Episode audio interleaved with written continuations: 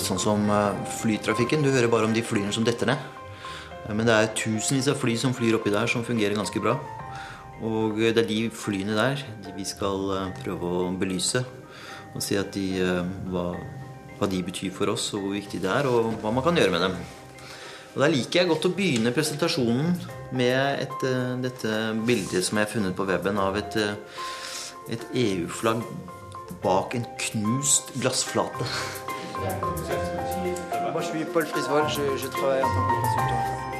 Velkommen til Brussel. Her klikker det i hæler og klakker i rullekoffer som dras over brostein. Her momses det pommes frites, blåskjell og belgiske vafler, og vedtas lover og regler over en lav sko. Lover og regler som i neste omgang skal angå deg og meg.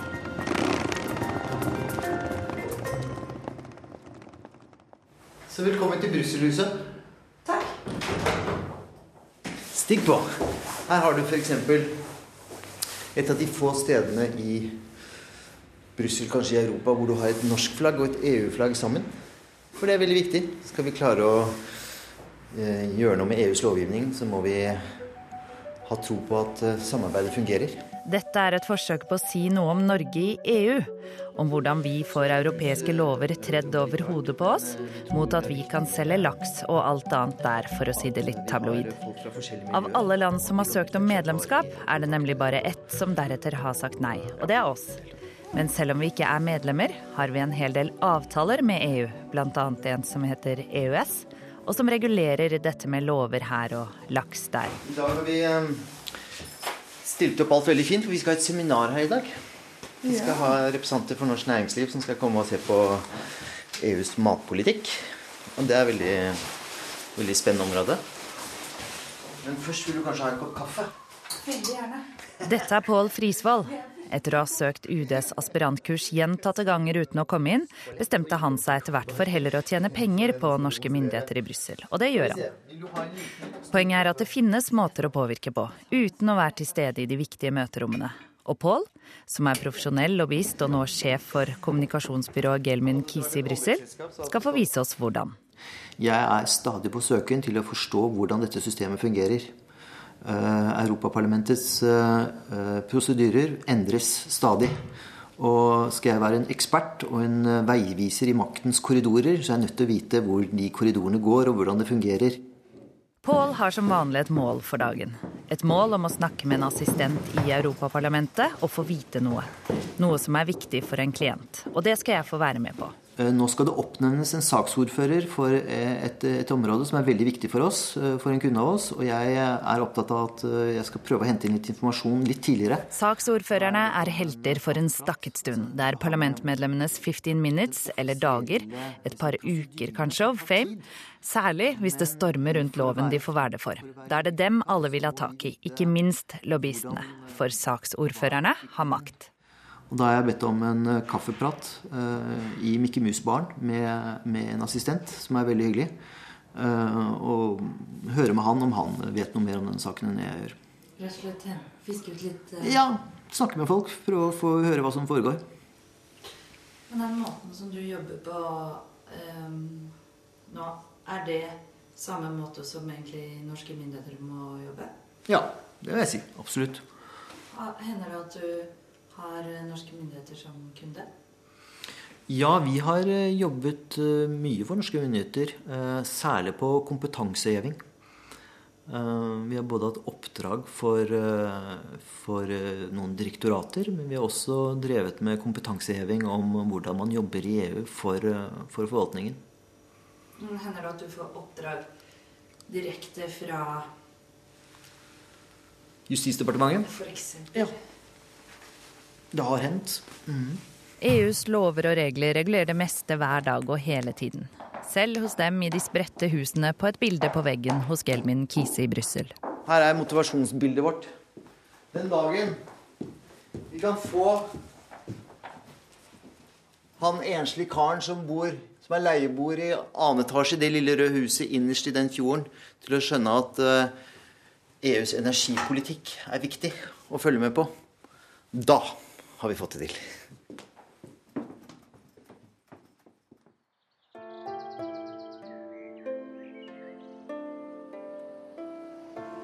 Og vi skal hit også, til det prototypisk norske på Vestlandet i Norge. Mellom fjellene og fjordene, og også inn i fjellene, faktisk. For det er én historie som er fin å fortelle når det gjelder Norges forhold til EU. En historie om påvirkning i verdensklasse. I hvert fall i norgesklasse.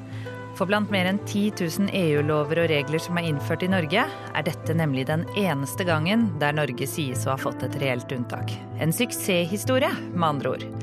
Vi skal drøye 15 år tilbake i tid, og til et dramatisk utgangspunkt.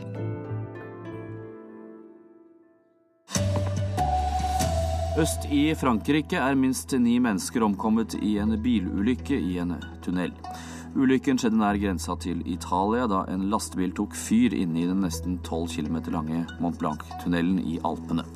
Redningsmannskaper fryktet at opptil 30 kan ha omkommet i tunnelbrannen. Til sammen døde 39 mennesker i ulykken der inne i et av Europas høyeste fjell i slutten av mars i 1999. Og i Brussel ble de fort enige om at noe måtte gjøres for å bedre tunnelen i Europa. Et nytt direktiv om sikkerhet i tunneler, det såkalte tunneldirektivet, ble foreslått. Et direktiv som ville koste Norge milliarder av kroner og være nesten umulig å oppfylle. EU ville nemlig at vi skulle bygge nødutganger i alle landets tunneler over 500 meter, og de har vi mange av. Problemet vårt i Norge var jo at vi har jo ikke mange Mont Blanc-tunneler med den trafikken og den lengden. Vi har uendelig med tunneler i Norge. Eh, men de er ofte korte, gjerne dårlige, men det går nesten ikke Det går noen få bilder om dagen på noen av dem. Det sier Per Sanderud, en såkalt superbyråkrat som var involvert i arbeidet med tunneldirektivet. Nå er han direktør i NVE, den gang var han departementsråd i Samferdselsdepartementet, og han likte slett ikke direktivet slik det først var foreslått. Og det er utrolig dårlig anvendelse av penger om vi skulle ha de høystandardige kravene i alle tunnelene når det ikke er trafikk og de er veldig korte. Tunneldirektivet måtte altså stoppes, eller påvirkes. I det minste måtte Brussel overbevises om at vi måtte slippe unna. Og med dette som utgangspunkt våknet lobbynasjonen til liv.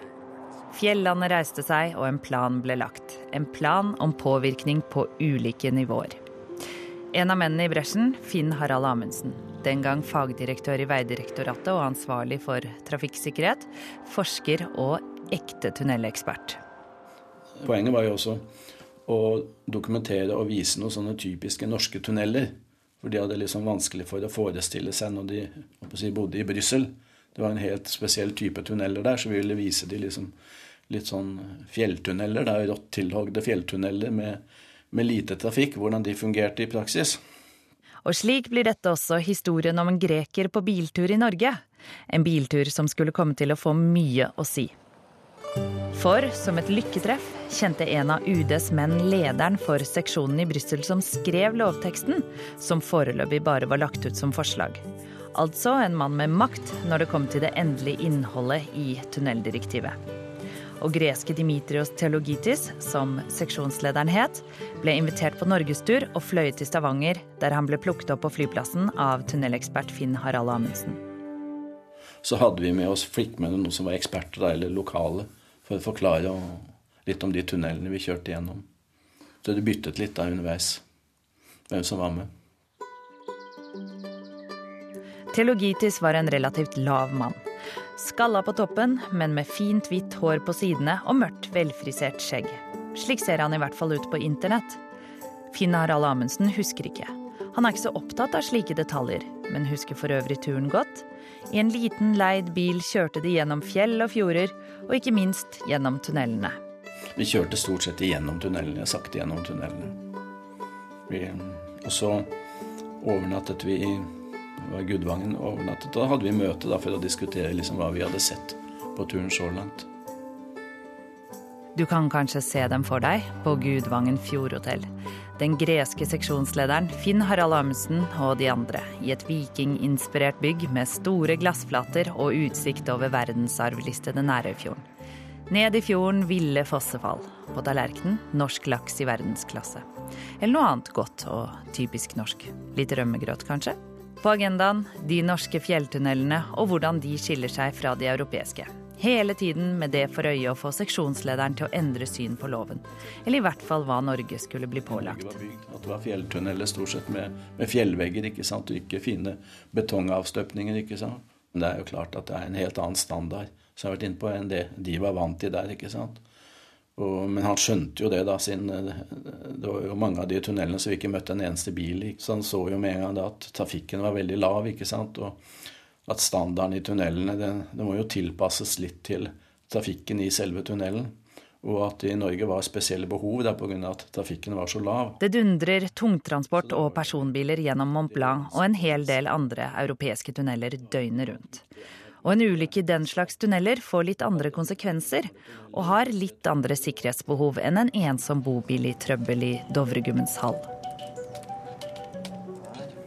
Pål Frisvold sitter foroverlent over en laptop på et rundt møtebord midt i det han kaller bunkeren deres i kjelleren på Brysselhuset. Den kontinentale sola har begynt å skinne ned på sko og rullekofferter som vi ser på fortauet øverst i to høye vinduer med gitter foran. Vi befinner oss bare noen kvartaler unna Europaparlamentet, hvor vi altså skal etter hvert. Her ser vi en typisk en Gelmunden Kise-slide, hvor du har da en, en graf som, som prøver å skissere hvordan, hvordan politiske utformingen skjer, og hvor mye plass det er til de forskjellige stakeholderne. I begynnelsen, når få kjenner til eh, hva som er i ferd med å skje, så er det et ganske åpent rom. Paul har kule briller som stadig flyttes opp på hodet og ned igjen. Han peker på skjermen og snakker om det Finn Harald Amundsen drev på med da han tok med grekeren på vestlandstur. Påvirkning på et tidlig stadium, mens lovteksten fortsatt skrives. Da er det nesten åpent for alle stakeholders, som han kaller dem. De som vil bli påvirket av, og altså har interesse i en bestemt lov. Eh, det er masse plass til masse input og eksperter, og vi kaller det for lobbyvinnerne. For de som er med og, og, og oppdager og deltar tidlig i prosessen, de blir ofte mye bedre hørt enn de som kommer inn sent, når uh, disse sakene begynner å tilspisse seg. Kort sagt gjelder det å være tidlig på ballen. For når lovene er ferdig skrevet og har gått sine runder hit og dit og skal stemmes over, da er det bare politikerne i medlemslandene som er med. Da kastes Norge faktisk ut av møtene, hvis vi da i det hele tatt er med. Da, det er formannen som er av kommisjonen som sier at nå går vi inn i en fase hvor vi skal foreta en avstemning. Da må vi be de som ikke er medlemsland, forlate rommet. Det kan også være en tyrker, det kan også være en fra industrien. Eh, men eh, det er som regel EØS-landene, EFTA-landene. Paul har tidligere jobbet i det som kalles EFTA-sekretariatet. Et frihandelsforbund som består av ikke-medlemmene Norge, Island, Liechtenstein og Sveits. Det er som et slags mini-EU, men uten å være union. Og det trenger du egentlig ikke å huske på. Poenget er bare at han har vært med i den slags møter, der man blir kastet ut. Det er eh, Nei, det er ikke enkelt, det. altså. Det er ikke enkelt det. Og, og, det kan du si at på noen områder så er det litt ubehagelig at du sitter og venter på når skal vi ha en avstemning, og når skal vi gå. Hvordan fungerer det sånn rent? Praktisk? Nei, du må ta, brette ned PC-en og hente bagen din og ta med deg kåpa di og gå over de små koffertene og komme deg ut. Faktisk var det sånn at vi nesten satt inne på møtene og stemte i 94 rett før folkeavstemningen. Da så det nemlig ut til at Norge skulle være medlemmer, og at eh, Thorvald Stoltenberg skulle være fiskerikommissær. Og han deltok på møtene i Brussel på linje med andre medlemsland.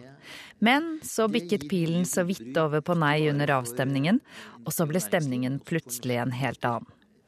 Eh, og like etter at presidenten hadde åpnet møtet, så kommer det en liten sånn vaktmester gående helt eh, med små skritt rett mot Thorvald Stoltenberg sitt pult. Tar av navneskiltet og snur seg og går rett ut igjen. Og eh, etter det Stoltenberg forteller, så fikk han da en klar følelse at enough is enough, og han måtte putle ut av møtet og komme seg hjem. Og snipp snapp så ute, så var det norske EU-eventyret ute. Det ble EØS-eventyr i stedet. En avtale som EFTA-landet Sveits og enkelte tidligere sovjetstater har takket nei og ellers tusen takk til. I Storbritannia har de nå sett seg om etter andre måter å forholde seg til EU på, siden de kanskje skal ut av unionen, og bl.a. da vært innom den norske modellen, som den kalles. While they pay, they don't have a say, konkluderte statsminister David Cameron med, og kalte den til og med en non-starter. Men uh, Tuva, nå kommer jeg inn på det sporet som jeg prøver å unngå. Det der eh, å argumentere for norsk medlemskap i EU, og det skal jeg ikke gjøre. Det har jeg slutta med. Ikke sant? Det, det, er ikke det jeg skal gjøre. Men det er en fin linje mellom å prøve å fortelle om utfordringene for å fremme norske interesser, og gå inn på det sporet. Um, den, uh, det har jeg prøvet og feilet, og den er død. Men, så nå skal vi prøve å gjøre det beste ut av det vi har. Uh, men allikevel, man kan ikke legge skjul på at derfor er det enda viktigere å være her. Okay. Pål skal bare åpne et seminar før vi drar, og det kan ikke jeg gjøre lydopptak av. Da blir vi borte en stund, vi. Blir du her, og så kommer jeg tilbake nøyaktig om en time. Foreløpig blir jeg sittende som et slags Mini-Norge i EU, utenfor der det skjer. Men vi skal snart til Europaparlamentet, det som kan sammenlignes med Stortinget i Norge, og som får mer og mer medbestemmelse og altså innflytelse i EU-systemet. Der skal Pål som nevnt treffe en assistent han håper å få ut noe viktig informasjon av, og jeg skal overvære lobbyvirksomhet på ekte.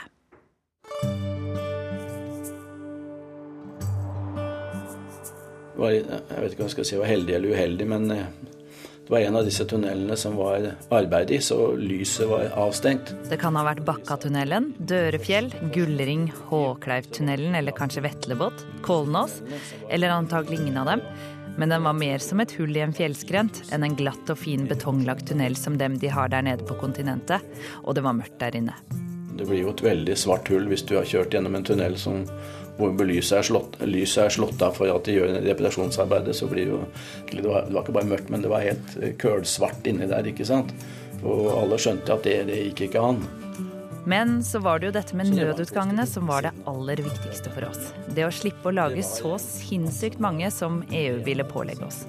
Fordi det ville bli så altfor dyrt og nesten umulig å få til innen fristen. Mye sto på spill, og tid og ressurser ble lagt ned. Italia, eh, det var, Dette arbeidet gikk jo over flere halvår. altså det Formannskapet skifter hvert halvår, men jeg bare husker Italia spesielt. Fordi at det, var eh, et, et viktig tunnelland. og, og de satt vel i, i dette formannskapsstolen da, da den eh, direktivet også kom i avgjørende faser. Sier superbyråkrat Per Sanderud. Det var jo ikke bare Norge som ville påvirke dette formannskapslandet. Vi, men vi måtte ta mer initiativ. Det var kanskje litt mer selvfølgelig at denne ministeren reiser litt rundt og sånn, men vi tilbød også å komme ned dit og, og gjøre dette raskt og effektivt i en travel hverdag for den ministeren som tok imot oss. Sammen med den norske samferdselsministeren og litt jurister og annet fra departementet reiste Sannerud til den italienske transportministeren, som også var transportens og altså tunnelenes mann i det som på en måte er EUs regjering. De som etter hvert skulle vedta tunneldirektivet. Målet var å overbevise ham om at tunneldirektivet ikke kunne vedtas slik det først var foreslått. Det vi gjorde systematisk og var vellykket, det var at vi satte krav om at vi alltid skulle ha med en forslag til konkret lovtekst som skulle inn som dette formannskapslandet kunne håndtere inn i de prosessene de var, som ledet lovtekstforhandlingene mellom de andre landene. Det er nemlig ikke bare bare å få EUs 28 land til å enes om én og samme lov, siden de er ganske forskjellige, de også. Formannskapet, altså hvem som har styringen, bytter hvert halvår.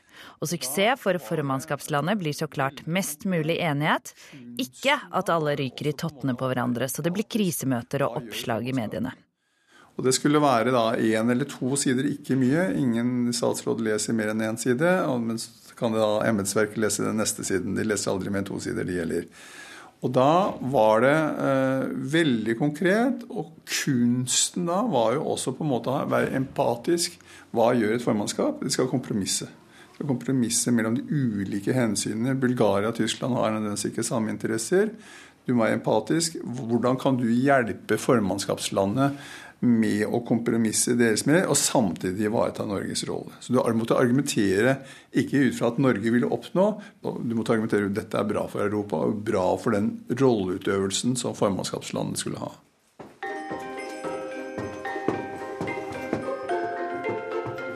Vi er endelig på vei til en av maktens høyborger i Brussel. Da har vi bare tid av veien. Viktig informasjon skal fiskes ut. Slik er hverdagen for Pål, og slik er den også for Norge. Men like viktig som de møtene man har avtalt i Mickey Mouse-barer og forberedt seg grundig til, er de som skjer på veien. Det som politikere så fint på formelt kaller de uformelle kanalene. Jeg må jo bare vise deg det store Thon-hotellet her. Thon-gruppen har jo det aller største, en av de største hotellkjedene i Lysen. De som bor her, de pleier å fleire litt med at eh, vi ikke er med, men vi ligger med EU. Er det teit, eller?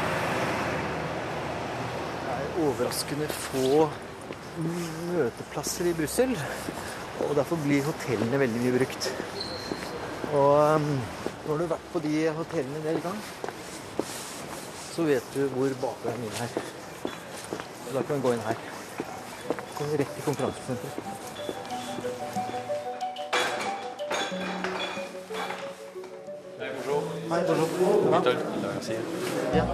Vi befinner oss plutselig i en lobby med åpne dører inn til to forskjellige saler, der noen prater og noen sitter i stoler og hører på.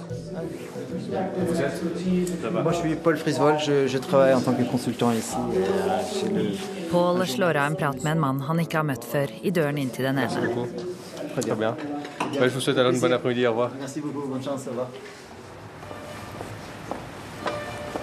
Der ble det rett og slett en liten spontan utveksling av eh, Ja. ja. Sånn er det. Nei, det er tenketanker i Brussel. Eh, veldig viktige fordi at eh, de er flinke til å, å løfte frem temaer som er åpne arenaer hvor vi kan delta. Eh, og de er flinke til å få tak i kommissærer og kabinettsjefer og folk som, som er viktig å høre på. Så det er en fem-seks sånne tenketanker rundt i Brussel som arrangerer en del eventer. Et godt sted å treffe mennesker, et godt sted å knytte nye kontakter og bli oppdatert på fag og politikk. Men du visste ikke at han var der? Nei, jeg ikke han var der. Jeg skulle bare vise deg hvordan du kom bakveien inn til konferansesenteret. For vanligvis må du gjennom hovedinngangen, og du må skrive deg inn, og du må levere ja, bla, bla, bla. Du må bare smakk. Av og til er de jo sånn middels interessert i det vi kommer med, men de Og du vet jo ikke hva slags inntrykk du etterlater deg, sånn totalt sett. Og så var det en hyggelig tur. ikke sant? Du fikk jo pratet om, om mye for seg når du sitter i en bil sånn i, i, i, nesten i to døgn, da. Det var jo det. Han skrev vel en en e-post etterpå og takket for turen og syntes det har vært hyggelig og vært interessant da, å, å se det. Så. Så var jeg litt sånn opptatt av at du ikke skulle være liksom Det blir sånn Det er veldig mange som jobber med, alle er litt på tur, alle har lyst til å være med inn. Eh, ikke sant? Du må være litt sånn fast i fisken på at dessverre, det er ikke sånn at eh, dette er en samtale først og fremst mellom statsråden og, og kommissæren.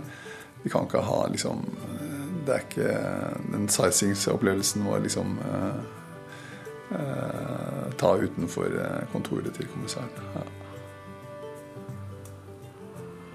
Det tror jeg viktig. Tunnelekspert Finn Harald Amundsen var også på møter i Brussel, og var mye mer populær her enn de der oppe på politisk nivå, som tunnelekspert fra et av Europas største tunnelland. For ham hadde faktisk ikke vært noen forskjell om vi var medlemmer. Nei, altså, Sett fra mitt sted så tror jeg ikke det hadde vært det. For det var, var ikke noe annet vi kunne ha bidratt med eller gjort hvis vi hadde et medlem. Vi hadde gjort undersøkelser, vi hadde god dokumentasjon, og det, vi la frem den dokumentasjonen vi hadde. Så på mitt nivå, altså på ekspertgruppenivå, så kan jeg ikke skjønne at det skulle noe, bety noe særlig om vi var medlem eller ikke. Det var fag jeg var interessert i, og det var fag som jeg skulle si, legge fram i dette, dette forum. da. Det er til enhver tid flere hundre slike grupper vi kan delta i, og norske eksperter fra ulike fagområder reiser stadig ned med Brussels Airlines for å legge frem dokumentasjon på noe de har god greie på, og på den måten påvirke EU-lover og regler, uten at det alltid er så lett å vite akkurat hva de fikk til. Nå er vi på plass Luxembourg, som var en gammel parkeringsplass for 20 år siden. Og nå er blitt en eh, mye mer levelig rundkjøring, selv om eh, omringet alle disse taxiene her. Eh, her har du happy hour hver eh, tirsdag, onsdag, torsdag, fredag. Hvor det er så mange unge mennesker som kommer og, og har lyst til å treffes. Og der skjer det veldig mye lobbyarbeid, for å si det sånn. Fordi det er en, en unik arena til å treffe folk du vanligvis ikke treffer.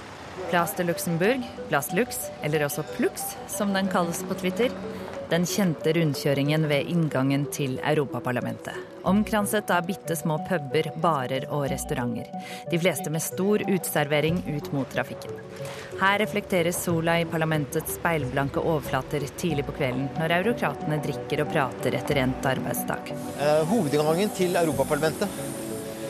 Det er her eh, Dette er den store, Solidaritetsplassen. Skal vi se, de driver og bygger opp her, så jeg skal se. Faut vous aider, madame C'est ici on va faire pour le badge maintenant ou C'est de l'autre côté. C'est là-bas. Et pour elle, le journaliste Jeg skal ha akkreditering for å gjøre opptak inne i Europaparlamentet, og Pål må få aktivert sitt lobbyistkort. Og så møtes vi foran um, hovedinngangen der, på trappen. Ok. Å hente presseakkreditering går overraskende fort, selv om jeg må signere på noen papirer også. Og etter et par minutter står jeg på trappa på den store solidaritetsplassen og venter på Pål. Og akkurat idet jeg begynner å bekymre meg bitte litt for å bli holdt utenfor igjen, så kommer han løpende over plassen med brillene på hodet, sitt store smil og løftede hender til hilsen. Det var kø der nede, vet du. Grusomt. Hvor var du hen? Jeg var eh, Det er et sånn annet akkrediteringssenter. Og jeg får, for, forskjellig for presse og for lobbyister. Ja, ja. Mens journalistene stort sett ikke er så interesserte i hva som foregår i Europaparlamentet eller EU-stoff generelt, er dette i aller høyeste grad lobbyistenes sted. Nest etter Washington er Brussel faktisk yndlingsstedet deres. Nå er de rundt 15 000, altså omtrent 20 lobbyister per parlamentsmedlem, hvis man tenker sånn. Alle med en plan, en agenda, noe de vil ha sagt eller informasjon de ville ha ut. Som Pål sin plan om å få vite mer om saksordføreren i den ene saken. Skal vi stå i kø? Ja, vi skal stå i kø. Vi skal gjennom sikkerhetskontrollen. Oh, ja. Det er litt sånn sluseopplegg og et veldig forsterket uh, sikkerhetstiltak. Uh, Nå må vi bare passe på køen her, for det er jævlig mange sleipe italienere her. Det er fullt av det, faktisk. Så skal du følge godt med. Men eh, ok, da. Så får vi sende en tweet, da. ikke sant? Vi får tvitre og være, være litt aktiv på sosiale medier mens vi kan. Der er Markus Becker. Han er eh, sjefslobbyisten til eh, GE. Han er synd at ikke han kunne komme bort. Kan vi si han er ikke noen andre i køen som jeg kjenner? Er det sånn, Benytter du sånne anledninger som dette til å Ja, ja. Så det er derfor jeg sier at det beste som har hendt, er at parlamentet flytter seg en uke i måneden til Strasbourg. For da må alle flytte på seg. Når hele parlamentet må flytte på seg, så parlamentarikere, assistenter, og rådgivere og sekretærer og alt mulig må gjennom sikkerhetskøen og inn på toget og sjekke inn på hotell og inn i det nye bygget. Og da er det strålende anledning for sånn som oss å treffe folk. Nå må nok jeg skru av denne når jeg sender den gjennom, tror du ikke det?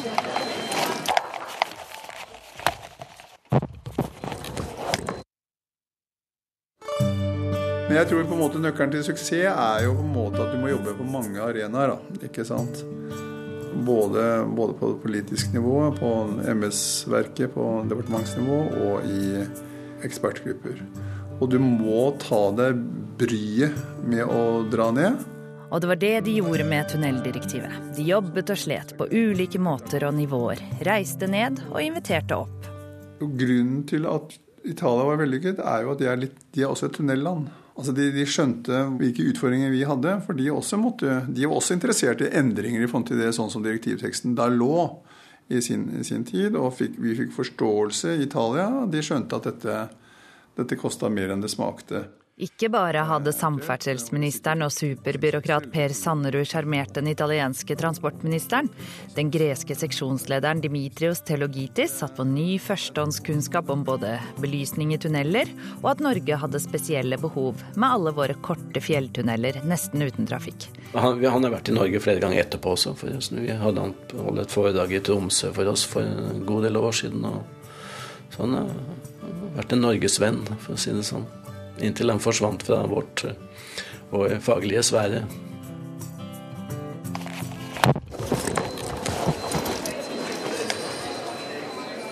Ok, nå går vi gjennom. Da går vi videre. Vi går gjennom her. Bonjour, monsieur. Bon après-midi. J'ai déjà activé mon badge. Je dois pointer quelque part ou... Je dois pointer quelque part ou non? Jævlig viktig å holde seg på godsiden med de gutta der, altså. Fordi at um, de kan lage vanskeligheter for deg hvis du plutselig har glemt igjen badgen din eller OK, kom her, da.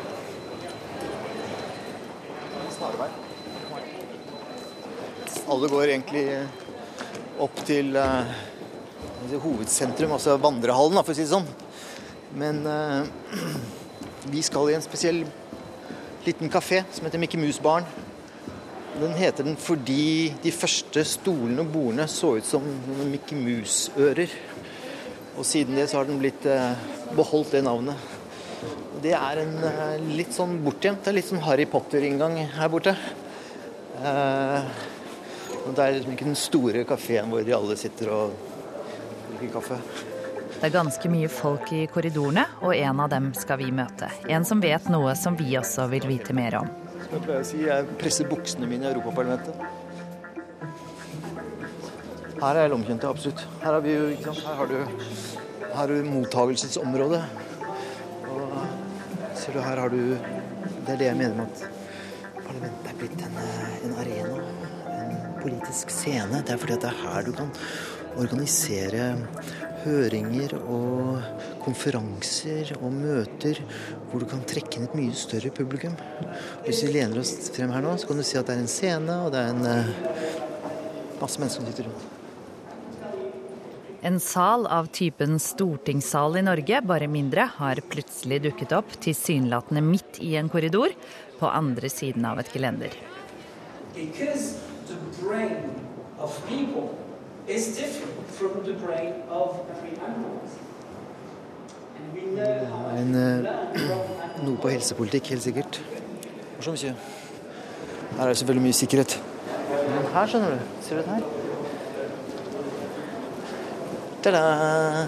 Her åpner det seg en hel liten, koselig liten bar med en store vinduer og en pen utsikt og jeg lurer på om jeg nettopp har signert på at jeg ikke kan ta opp i kafeer. Ah, ja, det er mulig. Ja. Det tror jeg. Det mulig, ja. Jeg kommer på at jeg har signert på papirer som sier at jeg ikke kan gjøre opptak i Mikke Mus-baren, så vi må vente på assistenten utenfor. Assistenten som Pål skal snakke med. Jeg er i hvert fall kledd ut. Hei, Thomas! Good to see you again. Good to see you. How are you? Hello, welcome to the European Parliament. Thomas, nice to meet you. Takk, takk. Thank you. Assistentene i Europaparlamentet er forresten ikke hvem som helst. De er mer som politiske rådgivere å regne, og det er nå det gjelder. Nå skal Paul prøve å finne ut hvordan de velger ut saksordfører i en bestemt sak. Dette møtet har han faktisk forberedt seg en hel del til, fordi det er så viktig. Okay. So it's a busy day here today. Like always. Yeah. It's a lot of people, huh?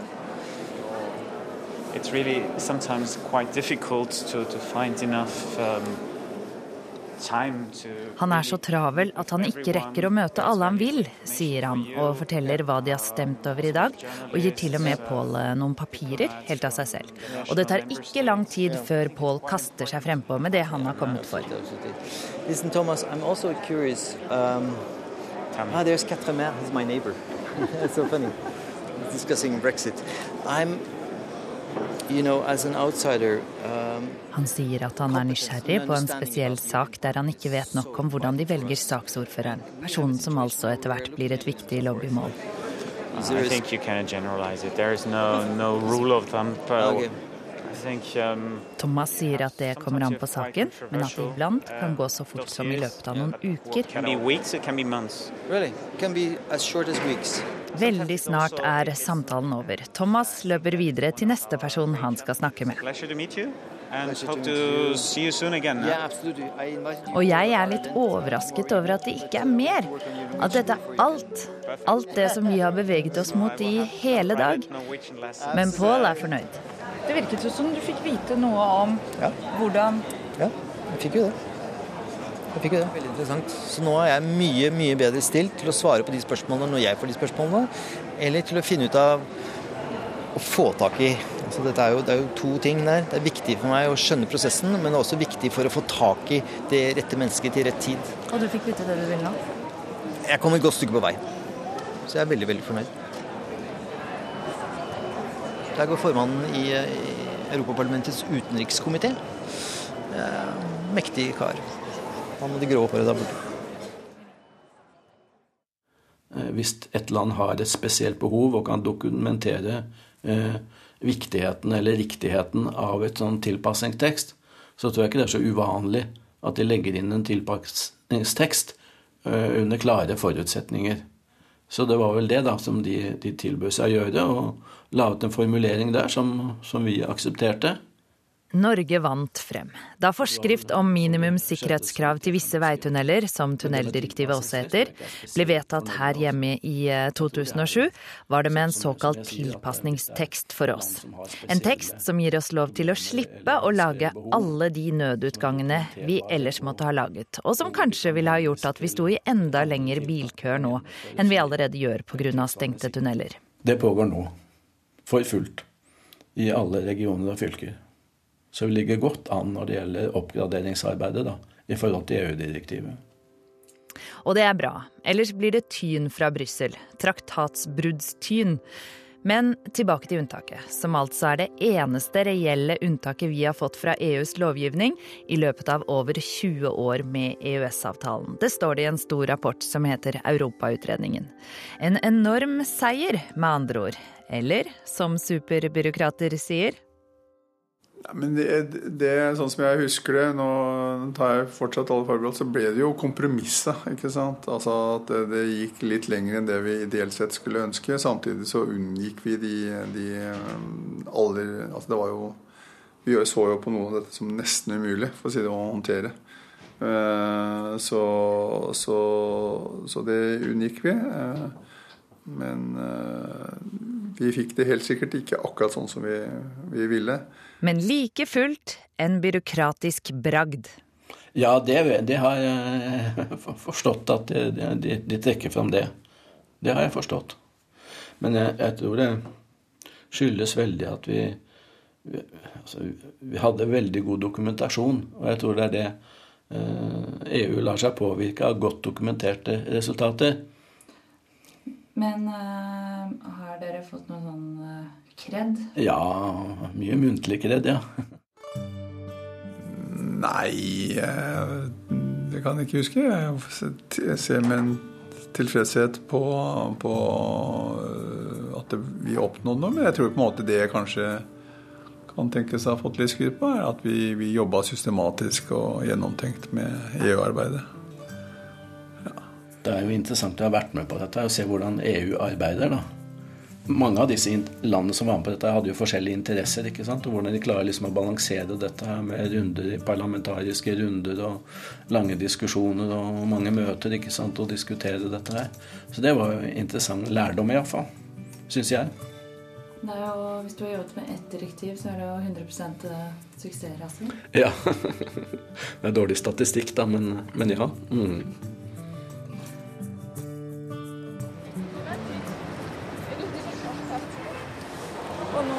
Veldig klar for en belgisk kveld. Er det Du skjønner at jeg har fått en annen avtale.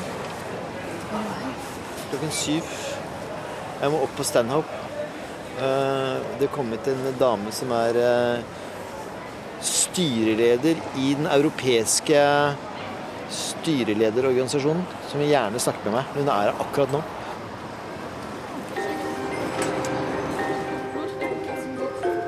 Jeg eh, skal gjerne fortsette dette her. Men jeg må løpe. Det har vært en ordentlig hyggelig dag.